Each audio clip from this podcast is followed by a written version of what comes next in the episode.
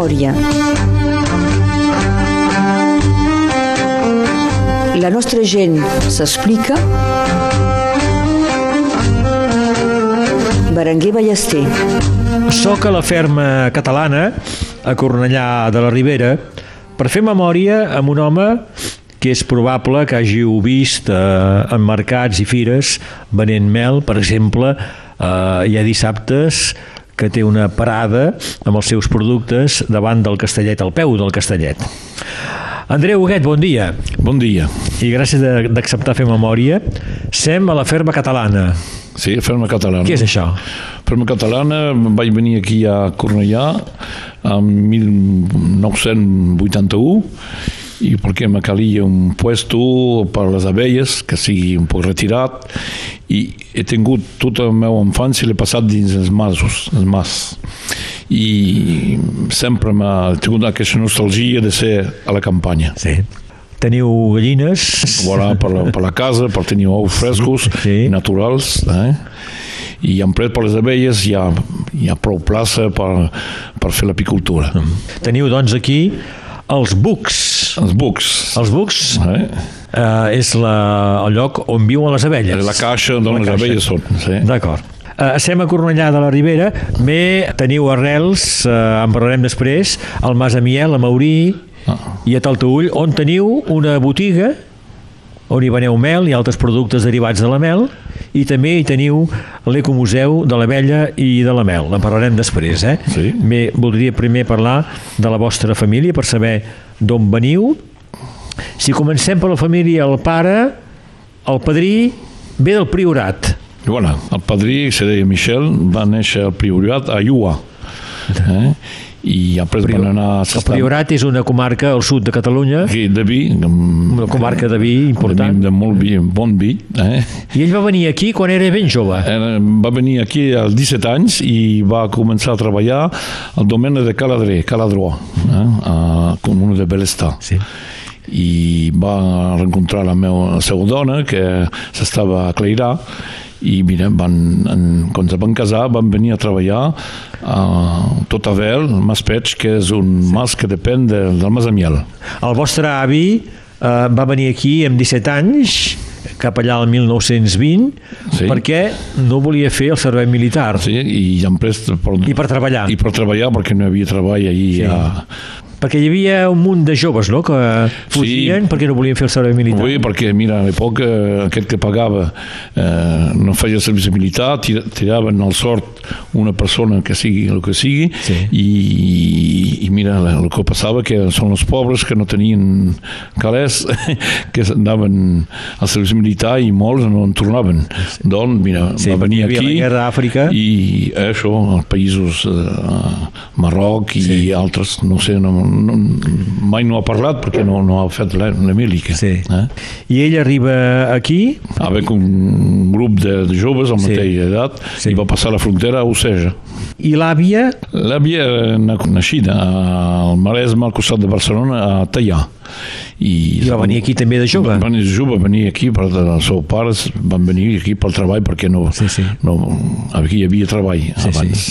Hi ha un munt de, de catalans del sud que van venir a treballar aquí el 1910-1920. Molts, molts, sí, sí, sí. Ha Aquí molta gent tenen les arrels de Catalunya o Espanya, eh? Sí. aquí.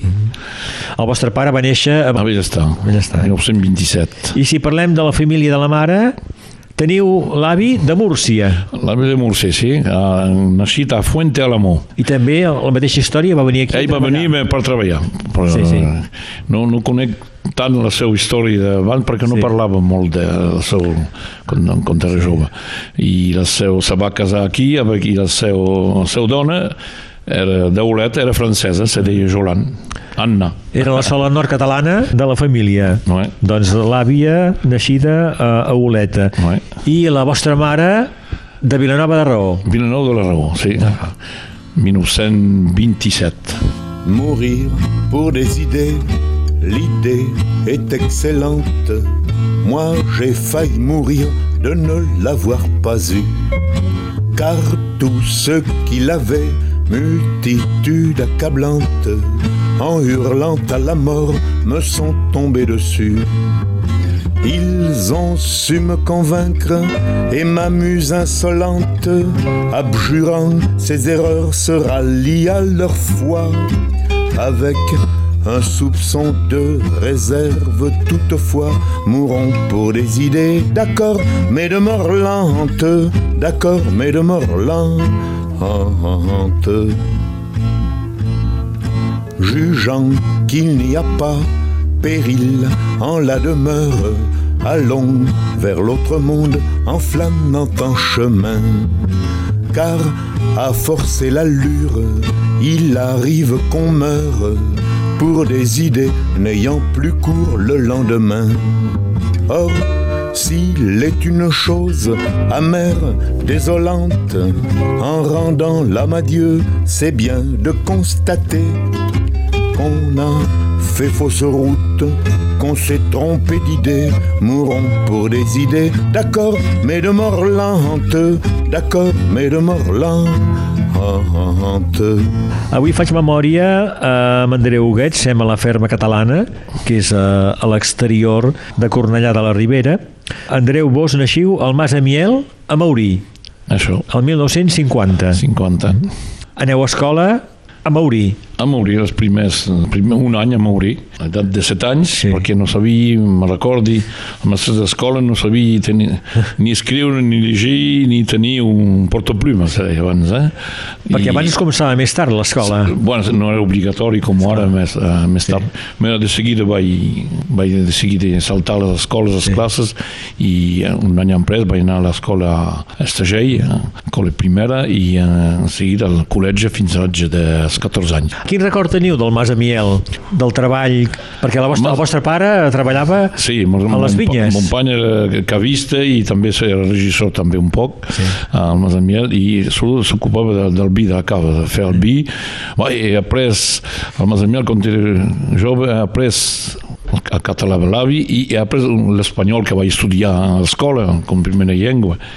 La, vaig aprendre bé que les obrers que venien a treballar per les bremes Sí. venien a treballar allí i la nit quan trascolaven el vi d'una bota a l'altra mira, i anava i parlaven espanyol Veu aprendre espanyol, espanyol els així, espanyols que venien sí, a treballar. Així, així, bueno, Sí. hi havia molts al Mas, eh, moltes famílies espanyols que treballaven per les bremes. Eh? Abans hi havia molta gent que venien. I el català el teniu de la família. És la família català sempre. Sí. Sí. L'avi, tant que l'avi se va quedar en vida, Sí. parlaven en català a casa.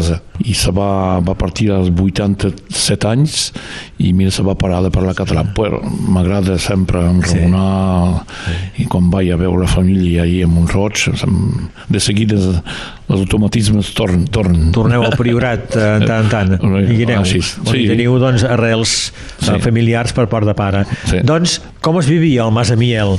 Quin record teniu? o Masamiel, bueno, eh, quan ets una persona jove eh, Sí. tot, va, tot va bé perquè veus les coses de, de, de manyatges, eh? Sí. Bueno, tenien, eren quatre tres germans i jo, eren quatre l'avi del banc de la meva mare un sorprèn, vivien també allí i mira, treballant allí a la, a la, a la vinya eh? i mira, nosaltres jugant un poc a, a, a, el que trobaven a fora, eh? no, no hi havia televisió, la televisió va arribar al Masamiel a tenir els, els 10 anys, eh? 1960 i me recordo que a l'època, el dijous, tota la mainada dels masos que eren al costat, venia tot tothom venia a veure la televisió al mas, Ah, sí? per encontrar-me tots jugant i mira, Jugant i també treballant, ajudant el pare? Sí, en nosaltres, ui, família? Treballaven, bueno, eh, per les bremes, me Sí. recordi que agafaven un iaca a dos i mira, seguint la iaca tenien sempre un poc qualque diners, sempre anava bé. Sí. Crec que l'escola començava sempre més tard, Sí. esperant que s'acabessin les baremes, no? Sí, ho és que l'escola començava més tard, abans i era Sí. tolerat d'arribar més tard perquè els joves ajudaven els parents, eh? Andreu Huguet, i a més crec que hi ha de veïnatge aquí al Mas Amiel, ja sabíeu com atrapar ocells i altres bestioles. Poseu rateres, no? Sí, posem rateres, perquè eh, estàs llibrat en la natura, eh, abans de saber llegir i escriure, mira, sabia parar rateres, sabia ramassar herbes en ciams salvatges, i les rateres es posava quan hi havia escola, hi havia un ramassatge escolar, era l'autobús, petit autobús, i tenia puestos de rateres parades del mes de setembre a la fi de març. I quan passaven en un puesto anava a renovar les rateres, agafava els moixons, el, els turdes, els merles que s'havien agafat i les parava per l'endemà i mira això va ser... era per menjar? no era necessitat de menjar perquè me menjaven molts eh, eh, moixons salvatges eh, el, el padrí me recordi del banc de la meva mare cada cop que agafava moixons me donaven un, una petita peça i deia, mira, jo, se regalava de menjar això ah, se menjava, me recordi espardals, perquè tot se menjava eh? tu qui vol a casserols, diu, eh? tu el que vol a casserola. Se menjava els pardals i es menjava i sabut tots els ossos, menjava tot, les ah, dents, sí? tenia ah. dents, quedava fora petits ossos sí. que quedaven, tot ho menjava. Tenia unes dents formidables. I com funcionava una ratera? Com era? Com, com, com es construïa? Eh, una rotera, una rotera que s'atrapa dins del comerç. És, són roteres de, de ferro que ah, se, pleguen quan sí. se posa per agafar, s'hi posa o s'hi posa una, depèn del que voleu agafar com ocell, sí. un cargol, una oliva, un rim, depèn de l'època un, un tià que els moixons podien sí. trapar i se posa un cuc també, se posa un tros de pa per als pardals, mira, i això, eh, l'any de 7 anys vaig començar a saber parar fins als 14 i he guardat aquests raters menys, no posi més perquè no, no hi ha més moixons és talment bonic de veure a volar i abans n'hi havia molts i era una altra època els primers anys de la meva vida en plena natura eh? salvatge un poc Veu viure amb la família al Mas Amiel fins als 14 anys. 14 anys. I després veu anar cap a Bonpas. Bonpas. Eh? 3 anys a Bonpas i després van tornar a Sant Esteve. Van venir a Sant Esteve. A Sant Esteve. I la, la casa de la família és a Sant Esteve. Ils quittent un à un le pays pour s'en aller gagner leur vie loin de la terre où ils sont nés. Depuis longtemps, ils en rêvaient de la ville et de ses secrets, du formica et du ciné. Les vieux, ça n'était pas original quand ils s'essuyaient machinal d'un revers de manche les lèvres.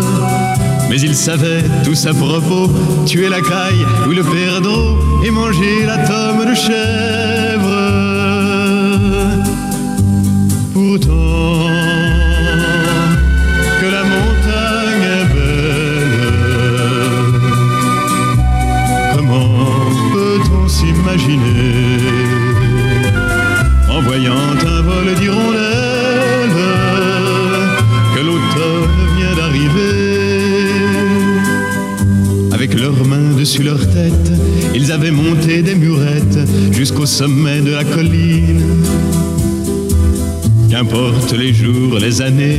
ils avaient tous l'âme bien née, noueuse comme un pied de vigne les vignes, elles courent dans la forêt, le vin ne sera plus tiré, c'était une horrible piquette. Mais il faisait des centenaires à ne plus que savoir en faire s'il ne vous tournait pas la tête. Memòria a Ràdio Arrels amb Berenguer Ballester. Andreu Huguet, crec que uh, l'interès per les abelles que després serà una passió, comença als 4 anys. Sí. Què va passar? Jove. Quina bueno, és aquesta història? Ja, quan jovenet sempre t'interesses en la natura, tens els insectes i tot, sí? i les abelles que veus sobre els flors i tot, eh, això t'agrada molt. Eh? I un apicultor venia a posar les cucs al Masamiel, al costat del Masamiel, i mira, jo anava mirant i me deia no vinguis perquè te faràs picar, és massa petit, tot això. I quan vaig tenir més, més tard, 7 anys, 7-8 anys, vaig anar a aquell. I abans de, no, no feia la diferència entre una veia i un vespa quan era petit, jo veia, me recordi sempre, vespres que anaven a fer el niu dins les, potes de conserva, que eren buides, sí. i, però jo eren, feia mel aquestes, sí. aquestes insectes, i agafava la nit quan feia nit la lampa elèctrica o el bon de matí abans que el dia s'aixequi anava a agafar aquestes botes i feia línies d'aquestes botes i per això eren els meus bucs aquests. Sí. Mai no ha fet mel, eh? però picaven, eh? Fan pas mel les vespres. No, no, no, no sabia. I, I picaven, us picaven? Eh? Sí, picaven, perquè de quan en quan mira, hi ha una que s'escapava sí. i que me pica. Sí. doncs l'interès per les abelles continua. Us van ajudar a aprendre a, eh, sí. a treballar a les abelles? Aquest apicultor que Jean Bertrand, que no és aquí, aquest món, eh, nos va, sempre va prendre aquell i s'aprèn cada dia. Sí. Hasta ara aprenc cada dia.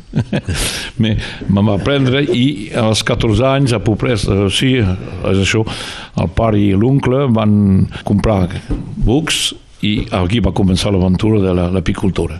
Voilà. I jo anava a ajudar, he ajudat sempre, i a les, a tenir 18 anys, o 18 anys vaig comprar el meu primer, primer Eh, vaig comprar una caixa, van oferir... No, l'apicultor va oferir una caixa als 14 anys i em va dir, aquesta és per tu, per te recompensar de, que vens a m'ajudar i, i sempre em pres vaig, als 18 anys vaig comprar les primeres caixes que els meus, tenien caixes el pare, l'oncle i jo van com l'apicultura la vam fer junts eh, fins a que se va morir.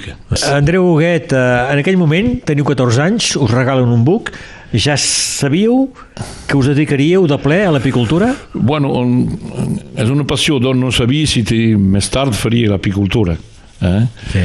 Me, mira, l'any, els anys venien i a poc a poc Anàveu creixent. Comprava, feia eixams i comprava caixes i tot, i mira, vaig continuar i, i ara tinc també en bucs, hi ha problemes, en, me, continuo. I jo dic que hasta els darrers anys de la meva vida, no sé quan, espero que havia molt temps, tindré abelles al costat perquè no puc aconseguir sí? la vida sense les abelles. Això és una, la passió que sí. era sempre.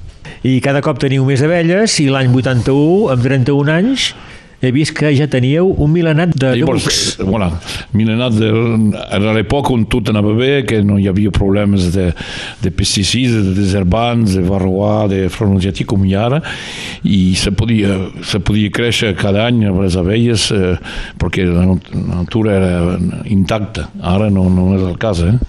Perquè abans es feia molta més mel que no passava. Sí, sí, se feia més mel, hi havia més... Hi ha dos problemes, aquests problemes de, deservant pesticides que l'home ha introduït i també abans plovia més sovint, doncs hi havia més reserves de flors. Doncs les flors feien més mel, més nectar. Sí. I ara teniu clar, o, o ho comentarem després si voleu, eh? Bé, teniu clar que els pesticides, els deservants, són mortals per les abelles sí. i, per la, i per la mel, evidentment. Sí, perquè hi, hi, per, per fer un poc de mel cal ser lluny de, de herbans, de pesticides cal posar les abelles en zona natural, més amunt, més, és més difícil perquè abans la, la, la xam començaven a fer les abelles al mes, mes de març, se posava aquí a les vinyes, ara no se pot posar les vinyes perquè hi ha massa posons. Sí, eh? sí. I doncs se posa més en garriga, més en, doncs cal anar el més lluny possible. Però abans, com eren naturals, se podien posar les abelles i feien, se desenvolupaven i se feia més mel amb res. Sí. Vol dir que si poseu els bucs més lluny, vol dir que hi ha més treball també. És que cal canviar de puesto cada cop. Sí. Eh? No se pot deixar un buc un, un puesto tot l'any. Si se pot, però no, no faran mel, no faran tanta mel com de, si els posen muntanya més tard, cap a eh, fins al mes de setembre, anem fins a la muntanya, sí. se pot fer mel no cada any el mateix, eh? perquè sí. cada any és un any diferent, però les flors són aquí. Que... Andreu Huguet, en aquell temps ja teniu un munt de bucs, és el temps de fer mercats i fires, i a més a més eh, feu el porta a porta. No? Sí, començant, me recordi sempre que quan érem a Sant Esteve els primers anys que vam fer una tonelada de mel, el pare i l'oncle tenien 30 pucs, una tona de mel, no, com farem per vendre aquesta mel? No? bueno, llavors va agafar l'estafeta, el cotxe, i els meus germanes i el, la mainada del carrer eh, anaven cada un per dos, anaven amb un panier, les pots de mel a dintre, i feien el porta a porta, País Torts, baixars, en fi, a les mobles de Perpinyà, aquí, i mira, i així se venia la mel. Se venia a bon preu? No, no se venia car abans, la mel. No? La mel no era un producte que era considerat. Eh, la, la gent associava la mel a la confitura, al sucre, però, bueno, a poc a poc eh, van canviar, però ara és un producte noble sempre ha estat un product noble. Sí. Mira, n'hi havia molt abans, per això que no, no tenia tant valor. Fer una tona de, de mel, mil quilos de mel, és molt, no? Sí, era molt abans, sí, sí. Per 30 era molt. Sí. Feia una mollena de 30, més de 30 quilos. Ara, aquesta poca, si fem 10 quilos, estem contents. I aquest any que, que sí. ha passat, mira, jo personalment no, no he arribat a 4 quilos per caixa perquè hi ha hagut la secada i mira, no, no hi ha hagut flux. I la mel d'abans era més bona o és, o és igual això? No, la mel, eh, el que, que es veu a la mel, hasta que hi hagi pol·lució, per exemple, la pol·lució dels cotxes, la, no s'atrapa dins la mel. Eh? Les abelles van sobre les flors. No, sí. Bueno, el que passa que les abelles se moren més, no, doncs cada any cal refer eixams, cada any, cada any cal recomençar, doncs no, quan fas eixam no fas mel, no, no se sí. pot fer els dos. Eh? Doncs abans, Andreu Huguet, podem dir que es podia viure de la mel? Uh, Sí, abans sí, en una apicultura professional dels anys 60-70, sí. la mel se venia en, en bots de 300 quilos al negoci i se feia molta mel, doncs llavors se podia viure de la mel. I ara no? A, a, a, venda, a venda en gros. Sí. La venda directa ha arribat més tard. Eh? Ara els apicultors aquí al departament i a, a França, eh, per tot és igual, tenen de vendre el més possible en venda directa. Sí. Bueno, és una bona cosa perquè la gent busca el producte, de sable, tot, sí. el seu apicultor. Me una apicultura de, de venda en, en gros s'ha acabat. S'ha acabat això. Per això que els, els negocis, els grans negociants, compren la mel Xina eh, i per tot i més d'una vegada no és mel eh? ah, no? no, hi posen un poc, de, un poc molt de, de sirop de sucre sí no, no se pot saber el gust, no s'atrapa. Jo dic sempre, compreu la mel a la gent, sóc apicultor, al puesto que sigueu, eh? Sí. A França o a l'estranger, més sóc apicultor, és un passionat que sigui aquí o a Espanya o sí. que sigui a Xina l'apicultor fa la, la mel per les abelles Voleu dir que les grans marques de, de mel que veiem al supermercat més d'un cop ja no és mel. No és mel. Bueno, llavors és el sí. client que cal que faci la diferència. Que atenció, eh? Sí, sí. Bueno, però dieu que actualment la gent prefereix anar al mercat, al a la fira... Directament sobre, sobre el productor, que sigui per la mel, que sigui sí. per els llegums, que sigui per la carn, també. Sí. Recordaré que vos hi ha dissabtes que seu al peu de Castellet a Perpinyà. Sí, de Pi... I aquí teniu mel i teniu mel, productes d'aquí de, ametlles, de la ferma. figues de la ferma. Eh? Sí. Perquè he plantat, això és l'avi també, que l'avi eh, Michel, que m'ha pres, deia sempre, plantes un arbres avui, eh? si tu no en veus els fruits, aquest que vindrà més tard és ell que recollirà. Sí. Eh, he tingut aquesta filosofia sempre de, de plantar, no, no m'agrada tenir un, una terra sense res, cal que hi hagi arbres i mira, l'he fet aquí a la ferma. Però això ven de, de petit. Sí. Recordaré que sem a la ferma catalana eh, a les afores de Cornellà de la Ribera.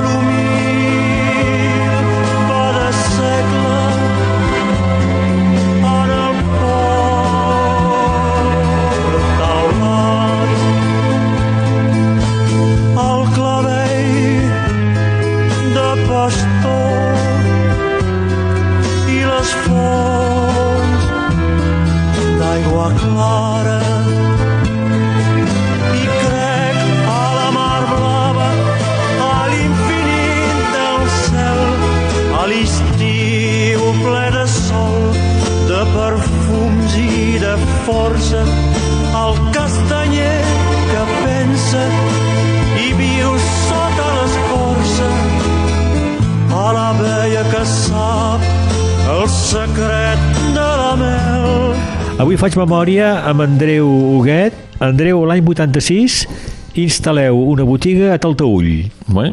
amb la vostra mel i també hi teniu els derivats de la mel, no? Mel, derivats de la mel, hi ha la mel, pollen, gelée ro- royale, eh, propolis, i la cosa s'ha fet a més a més difícil eh, perquè Tartaüll el que anava bé que hi havia abans com vam instal·lar el museu que estava cre... Vau crear un museu hi ha- després, hi havia eh? molta gent, hi havia 150.000 visitors i ara no n'hi ha fora que 40.000 doncs no, no tinc tanta venda però tinc clients que, són, que venen cada any per això Perquè a Taltaull, Maurí, aquesta zona, hi ha una tradició molt forta, no?, d'apicultura. Sí, sempre hi ha hagut uh, abelles, sempre, sempre. Sí. Abans uh, sempre hi havia els masos, cada un tenia abelles perquè era el sucre natural que consumaven per la Clar. seva consumació personal. Sí. Eh? Com tenien gallines, com tenien un porc, abans hi havia abelles i això se va perdre perquè mira, més o menys la vida va canviar. Heu dit que la vall del Verduble és excepcional per les abelles. Sí, perquè se pot fer quan la pluja cau a la primavera i a la tardor, quan cau la pluja hi ha moltes flors que poden donar. Doncs la primera mel que se pot recoltar, que se pot, perquè no, marxa, no és cada any igual, eh? depèn, això és la natura que, naturalesa que comanda. Eh? Se pot fer, comença pel romaní, eh? al mes de març, al mes de març, en fi de març, cal que el romaní sigui recoltat. Després ven un poc la farigola, i és més difícil el mes de, de maig i bueno, si no hi ha farigola se barreja el romaní la farigola de, depèn dels anys, doncs se fa més de, gar, miel de garriga. La garriga en el puesto un, un, creixen les plantes medicinals. Sí. hi ha un poc de, de, també de bruc hi ha, un, hi ha lavanda marítima també que se barregen doncs és un, una mel. I deixant les bucs l'estiu cal que plogui en aquest moment un poc un poquet, eh, cal que temporals se pot fer miel de buplevre i miel de buplevre és una planta que hi havia abans no tant com ara perquè el buplevre és una planta que se, se sembra sola quan apaga el vent, les granes i com hi ha de més en més vinyes que estan abandonades eh, aquesta planta ven de seguida doncs eh, se pot fer mel que és molt bona que té un gust de, al final de, de crema de marró eh? Me, no se fa cada any Quina és la vostra mel preferida? Quina? Teniu eh, jo un gust especial per alguna Totes m'agraden, perquè les Sí. tassis, quan fas extracció, sempre les tassis per saber si, si corresponden a la mel que posis al pot. Me, jo m'agrada una mel més forta, que és el més el de castanyer. Eh? Mel de castanyer que se recolta, jo la primera mel de castanyer que he recoltat és el banc d'Inlauda, la banc de Montfort Bolzana i les primeres caixes que van comprar va ser a Montfort Bolzana Eh, les primeres eh, caixes de vells que van comprar sí. l'oncle i el pare doncs I... aquesta mel un poc forta que m'agrada I aneu fins a l'Auda eh, a posar les caixes? Oh, anem, anem hasta més, Més lluny encara? Fem, en principi, la més lluny és per la, la Cassià, a 150 quilòmetres, a Dinarieja, entre Foix i Tarrascom. Eh? Voilà. Eh, cal cercar les flors a on són. Sí. Eh? Com ho feu, això? Cal demanar permís eh, per Sí. deixar un buc eh, amb Sí, rodal? bueno, cal deixar mirar el terreny, l'exposició, si conven per les abelles, i en funció d'aquesta exposició se, de, se, de, se demana l'autorització al propietari, sí. cal buscar, perquè no és fàcil de cops, eh? i se deixa les, un puesto que sigui accessible, més possible, Sí. amb el, el camionet o el camió, i en pres cada, se dona un, una, se paga un, un pagament simbòlic amb mel o vi, o puestos que no tenen vi, que calen vi, bueno, correspon en principi per un emplaçament de 25 bucs Sí. a 5 quilos de mel. 5 quilos de mel. Que representa senorós ara, a Sí. sí. pobresa. Eh? Bueno.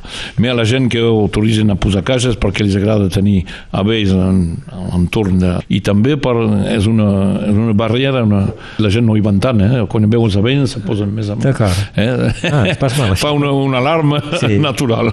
Doncs no teniu dificultats per trobar... No, per trobar emplaçament no hi ha dificultat. Ara no hi ha dificultat, Clar. perquè hi ha molt, moltes terres que són abandonades, Sí. doncs és més fàcil. El que passa que, les condicions meteorològiques no són iguals d'un any a l'altre i ha canviat, cal canviar les habitudes de transhumància. Sí. És a cal posar en puestos eh, diferents un any sobre l'altre perquè cal mirar si ha plogut a, primavera si per, portar ara aquí o més tard més amunt que, cal sempre estar en, cal comunicar sempre amb la natura el que passa Ne me quitte pas, il faut oublier, tout peut s'oublier, qui s'enfuit déjà, oublier le temps des malentendus et le temps perdu, à savoir comment oublier ces heures qui tuaient parfois à coups de pourquoi. Le cœur du bonheur ne me quitte pas. Ne me quitte pas, ne me quitte pas, Moi, je t'offrirai des perles de pluie venues de pays où il ne pleut pas. Je creuserai la terre jusqu'après ma mort pour couvrir ton corps d'or et de lumière. Je ferai un domaine où l'amour sera roi, où l'amour sera loi, où tu seras reine. Ne me quitte pas, ne me quitte pas, ne me quitte pas, ne me quitte pas. Memòria a Ràdio Arrels, amb Berenguer Ballester. Andreu Huguet, recordi que fa anys veu venir a Ràdio Arrels i ja veu explicar aquella predicció d'Einstein que deia que si desapareixien les abelles Ah. la humanitat no podria sobreviure gaires anys. Ui, això ho va dir l'estany. Encara ho dieu, això? Estany. Ho diem... Eh, ara, eh, si, eh, si hi ha abelles que Sí. fan mel, en diuen abelles salvatges i n'hi ha no. Les abelles salvatges que fan la mel són abelles que, que saien, que aixamen i que van se posar dins un puesto, un, un forat dins un arbre, que, un, dins la roca. I aquestes abelles ara no són més, perquè l'abella que se'n va, als dos anys s'ha mort. Ah, sí? Sí, perquè hi ha el barroà, que era eh, una, una carrienc que ven d'Asia, que el fa morir. Doncs ara si hi ha abelles, perquè són les abelles dels apicultors, eh? I si hi ha abelles que polinitzen, si ja se, se, fa, se fa mel, perquè els apicultors tenen abelles. Abans se podia fer mel, perquè els deixam hi havia, hi molts que cada any les abelles se multiplicaven naturalment i, i ara els apicultors que tenen d'ho fer. Cal, a més a més, fer seleccions d'abelles, de reines, i cada any canviar el pas cada any que ve la reina, cal fer moltes, molts eixams cada any per compensar la mortalitat que hi ha, que és de, de 30% de mortalitat. Dieu que les abelles, abelles diguem-ne salvatges, eh? Oi. que tenen molts problemes eh, i que es moren al cap de dos anys, Sí. per què no es moren igual les les abelles del perquè eh, estem, eh, fem seleccions de- d'abelles que resisten al barroà i, i mirem més que abans eh, el que passa que la cosa que no controlem és la, la longevitat de, de ponta de la reina perquè eh, el que passa amb aquesta pol·lució que hi ha els mascles devent, són estèrils eh? no, no, com nosaltres homes eh? Sí. també és igual eh, han constatat la pol·lució ha fet molt mal doncs les reines estan mal fecundades no, i poden pondre per sis mesos sin problema i d'un cop mira, s'arresten de pondre i depèn de poc on passa la, mira, la colonia s'ha mort abans no passava això, abans no hi havia problema. Abans, mira, hasta que una persona que no, no coneixia la vida de les abelles feia mel, no se preocupaven, mira, hi havia mel, sempre hi ha hagut mel. Sí. Ara, si no estàs aquí eh, sempre, i una, una caixa, un ruc, que cal, visitar pendent, almenys 6, 7, 8 cops per any. Si no, no, No, passa sempre una cosa o altra. I esteu convençuts, els apicultors, que això és degut a, als herbicides, als Sí. pesticides? Sí. Segur. Sí, sí, sí, sí segur. Sí, perquè l'herbicida treu la flor que tenia de posar, eh? prenc l'exemple de la, la roqueta blanca que hi ha un poc per tot, però si quan se passa desherbant, mira, eh, no, en aquesta flor no és més. Si l'abella és sur la flor agafa això, i s'ha mort, agafa el pesticid, eh? el desherbant s'ha mort també, perquè i el pesticidi també perquè el pesticidi sí, una abella quan se tracta les, les arbres fruitiers, perseguers o altre si posen un pesticida, si l'abella està eh, aquí a fer la polinització ella se va Sí, cercar sí. el polen i la mel si és, s'ha mort també bueno, normalment els agricultors eh, tenen de tractar eh, d'hora al matí i tard a la nit quan les abelles són dins la caixa eh, de la, Sí. me, no ho fan tots n'hi ha que ho fan i altres que no ho fan pas bueno, més a més a poc a poc s'adoma me cal, caldrà 20 anys de més perquè tot se posi en ordre Se va duant, això? Mira, perquè de més a més eh, hi ha, a la vinya però hi ha, hi ha propietaris que fan la vinya natural amb bio, sí. biodinamí, doncs deixen les flors i no deserven més. És un deservatge mecànic. Això és me- millor. Això us convé a vosaltres. No es convé, no, millor. Mi encara n'hi ha que... Eh? El que passa que no, diuen ara, hi ha una, una llei que diu que pas posar pesticides a 5 metres, 10, 50 metres de les cases, me, això, bueno, és una, una cosa per començar. Me, tindrien, aquests pesticides no tindrien de sair de la fabricació, de l'usina. Sí. No s'haurien de fer. No s'haurien de fer. I, el diuen, bueno, eh, eh, cal trobar una substitució a aquests productes se pot trobar i, i, hi ha les, aquestes firmes que multinacionals que, eh, tenien fan de- pressió. investir en la recerca per fer productes sí, existe, eh? ben poc a poc vindrà per això. Jo crec Doncs- que vindrà perquè si no l'home eh, mira, se, se, se morirà eh? Doncs durant temps, i encara veieu ara, les relacions entre els apicultors i els agricultors ha sigut un poc complicada, doncs. Sí, sí, eh, con, sí, jo tinc l'exemple que al costat de jo, un, un agricultor, bon, encara fa és en bio, doncs hi ha problema, però que tractava en plena florisó, en plen migdia, les arbres, els perseguers. No és possible, home, mira, me mates les abelles. És un fungicida que posava. No, no, no, no, no, no pot per les abelles. Vine a veure, mira. Eh, cal sensibilitzar, sempre estar aquí, sempre sí. repetir, sempre, Sí, sí. sempre. I el canvi climàtic, el famós canvi climàtic, això les abelles ho noten? Sí, sí. Sí, perquè el canvi climàtic, el que ha passat, que ha canviat, les florisons no són les mateixes. Si no plou, aquí, abans me'n recordo, plovia a l'automn, enguany ha plogut. Enguany, no, sí, és un any eh, ha plogut. I després a la primavera també plovia. Eh, plovia. I de quan en quan l'estiu, un temporal, anava bé. Les abelles, si no tenen de què menjar, perquè les abelles van a cercar la mel per elles, eh? Nosaltres aprenem el que despassa els 30 quilos, ho prenem. Me- Que, que necessiten 30 quilos per ells per passar l'hivern. Una buga, eh, en la colonia d'abelles, li cal més de 120 quilos de mel per any Ah. per, per existir. Sí. Eh? I nosaltres preveiem fora una partida, una petita partida, un terç, 30% només. I, si no hi ha 30 quilos al ball, mira, tenim a 70 anys de nodrir per compensar que no se morin de fam. Fora que no se morin de fam. D'acord. I l'augment de la temperatura, elles ho noten? Bé, i sí, perquè quan fa massa calor, no, no, el que passa, la flor se seca, Sí. no, i no, les abelles no, no poden agafar, doncs, uh, mira, se, se cansen per res, no, no, no, no, no recullen res. Eh? Sí, la temperatura. És liat a la flu, eh, sempre. Eh, si hi ha flu i el temps un poc humit, va bé. Si és massa, Sí. massa calor, crema la flu. Uh, Andreu Huguet, vos, uh, vos heu fet apicultor amb l'experiència d'apicultors més vells. Sí. Recordi que quan teníeu 14 anys uh, un apicultor us va regalar un buc. Sí. Va ser la vostra primera propietat. Sí. Eh? Després en tindríeu més de, de bucs. Ara crec que és el, el sindicat d'apicultors de Rosselló que proposa formació pels joves. Sí, això és molt bé, Això perquè és aba- important, no? abans no se feia abans, això. Jo me'n recordo que quan van començar l'apicultura havien tingut problemes de, de veies que no anaven bé, al fi no, no sabien. No? I anaves a veure un apicultor, te deia sempre, sovint te deia de fer el contrari que ho tenies de fer. Ah, sí? Ara això, sí, sí. I per què ho deia així? Ah, mira, així, la gent era així. jo, jo he viscut, eh, Ah, sí? puc dir, sí. N'hi havia pocs que deien que el feia així, així, així. Eh, Sof aquest que me va aprendre, perquè, no sé, perquè era una persona que volia comunicar, eh, depèn de la, de la, de la gent. De molta Però n'hi havia que no volien pas que Ah, no, no, no, a- no, no, no. al vostre buc. No, me recordo que hi havia un que deia tenem un, un pastel de tant de parts, eh? si, si Ah. n'hi ha 15 parts, Sí. bueno, per, hi ha un per cada un, i sentirien fora que la meitat millor.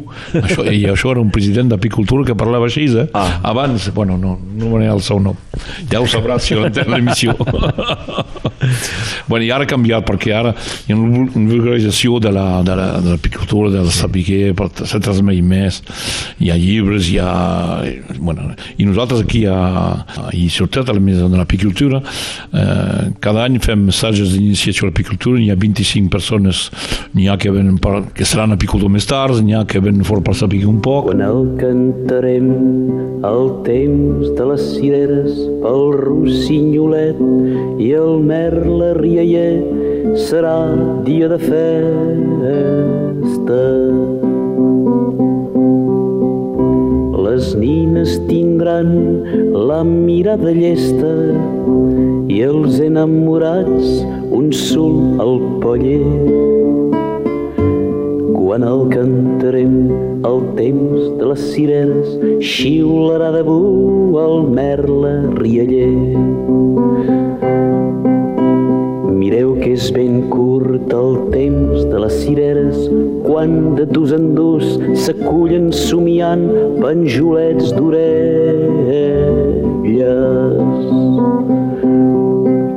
Cireres amurt de roba vermella passant pel fullam com gotes de sang. Mireu que és ben curt el temps de les cireres, penjols de coral collits en somiant. Un cop qui sereu el temps de les cireres, si vos fan fremir les penes d'amor, aneu lluny de les nines. Bé, arribem ja a la fi d'aquesta memòria amb Andreu Huguet. Ja hem parlat molt d'abelles i de mels. Recordaré que als 4 anys va començar a interessar-se Sí. per les abelles. Es va enganyar perquè en lloc d'abelles tenia vespes. Sí, perquè, no, perquè que fèiem eh? M'agradava tenir aquestes bestioles petites. Bé, us he demanat músiques per acompanyar aquesta memòria. M'heu dit, espia aquesta foto. I Sí. teniu la famosa foto d'Abrel, Brassens i Ferrer Era Ferrer, també. junts. Sí. I, en, i en una altra, no la tinc, hi havia també en Joan Ferrà. Van, aquesta Sí. és la més coneixida, i Sí. una altra no la tinc. No la tinc. D'Abrel m'heu demanat la No me quita pa. Oi, Eh?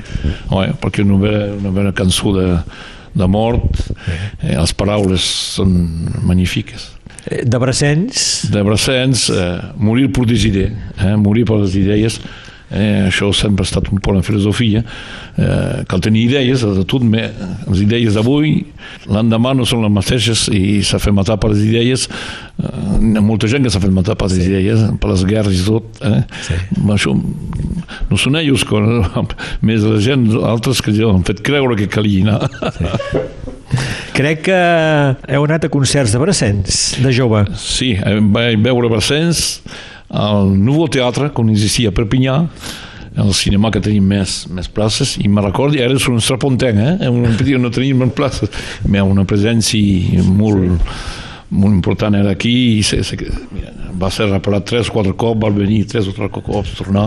Era ell i el seu contrabassista, eren, Sí. eren junts. Éreu molt Brassens, fins i tot veu arribar durant temps a fumar la pipa que fumava ell. Eh, sí, m'havia identificat a, a presons de Brassens i dic una cosa, vaig, cada cop que vaig a Seta vaig naturalment a la seva tomba bueno, vaig al cementeri i, sí. i vaig perquè mira, eh, m'ha marcat en el meu, els anys de jove I Jean Ferrà també. Jean Ferrà també, Jean Ferrà a la muntanya, La eh, muntanya. i la um, humanitat d'aquest Sí. cantaire que, eh? M'heu demanat també, Andreu Huguet, una cançó de Jordi Barra, Ouais. que eh, en aquest moment no tenim clar quin és el seu títol, ja ho trobarem. Eh? Trobarem, sí. Però és aquella que diu La vella que coneix el secret de la mel. Ah, això. Ah, eh, no em perquè- ve al cap el títol de la cançó Això. de, Canta el pis català i un munt donat Sí. sí. diu aquestes paraules i... Bueno, Cap problema, la, la trobarem. I després eh, m'heu demanat també el temps de les cireres. El Per temps què? de les cireres. El temps de les bueno, perquè és una, és una cançó de, que va ser revolucionària, el camp de en 1870, Sí. quan la, eh, el poble va, Bobrier va prendre el, el poder a, a París i la comuna va ser decretada eh, en tota la França. I aquí en País Català hi ha dos pobles que van, la van decretar oficialment, els altres ho, ho van fora un poc, no, no volien ho fer. Hi ha dos pobles, va ser Cornellà a la Ribera i Palaldà, eh, que van posar, la van decretar en Consell Municipal i que van Vallissar... va lliçar el, el peu Ruig al Sí. cim de la, de la Platana. Sí, sí, eh?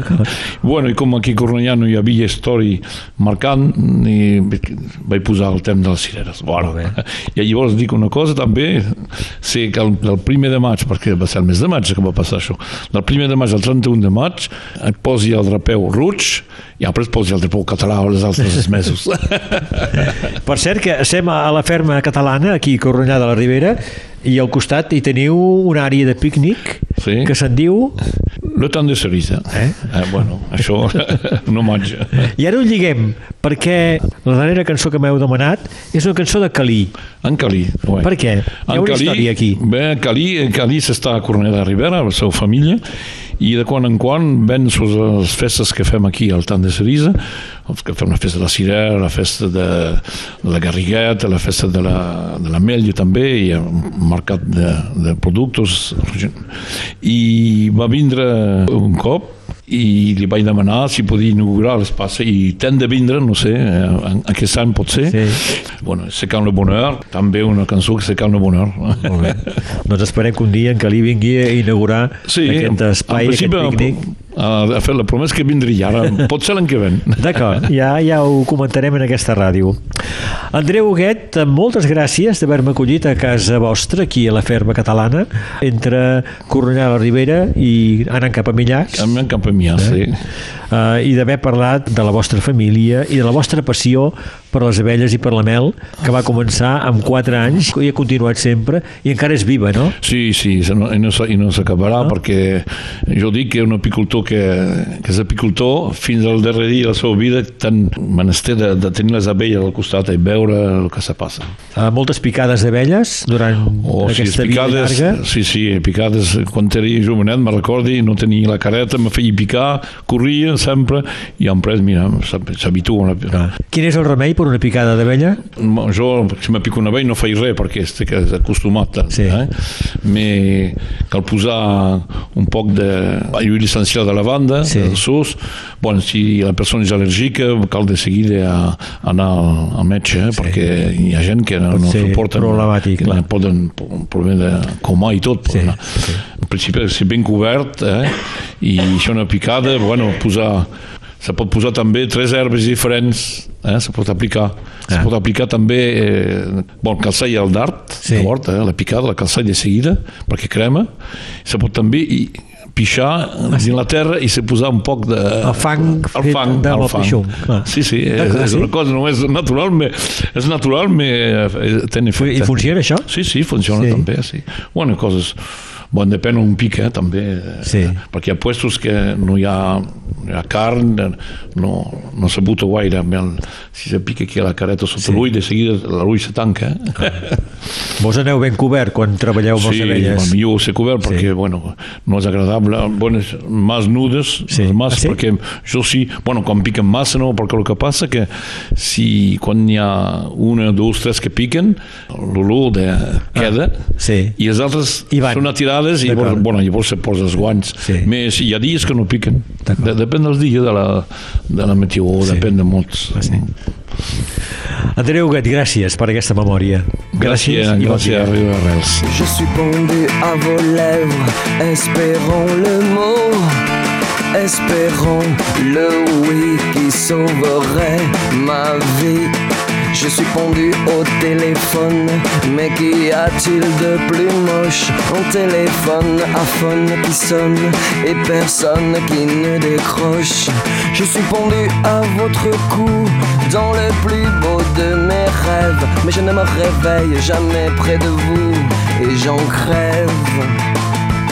Je suis pendu sous vos fenêtres, au pied de l'arbre, peut-être demain. La petite fleur qui va naître vous racontera mon chagrin.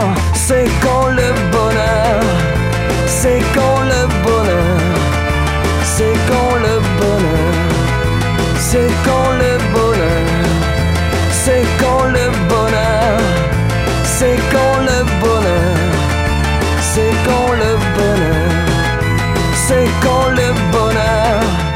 Després de l'enregistrament, Andreu Huguet, que és el gran mestre de la confraria dels tastaires de mel, em mostra tot el que acompanya les cerimònies de la confraria que cada any fa el seu capítol a la festa de la mel d'Espirada Alegrí cap al mes de maig. Fins i tot m'ensenya un corn per veure l'hidromel. Mentrestant, la seva dona entra amb una bossa amb tres pots de la mel que fan a la ferma catalana i que em regala. Gràcies, evidentment. I tot sortint del mas em diu és que sabes el que és la cristofina, la xaiota o el xuxu? Jo no sé de què em parla. És un fruit que no té cap gust, però és molt bo, ben amanit, em diu. Me'n dona perquè ho tasti. Al costat del galliner hi té una planta que dona aquest fruit que aprecien sobretot la gent de la reunió. Quan en té massa, els porta a la parada que munta al peu del castellet els tres primers dissabtes a cada mes. Memòria. La nostra gent s'explica. Berenguer Ballester.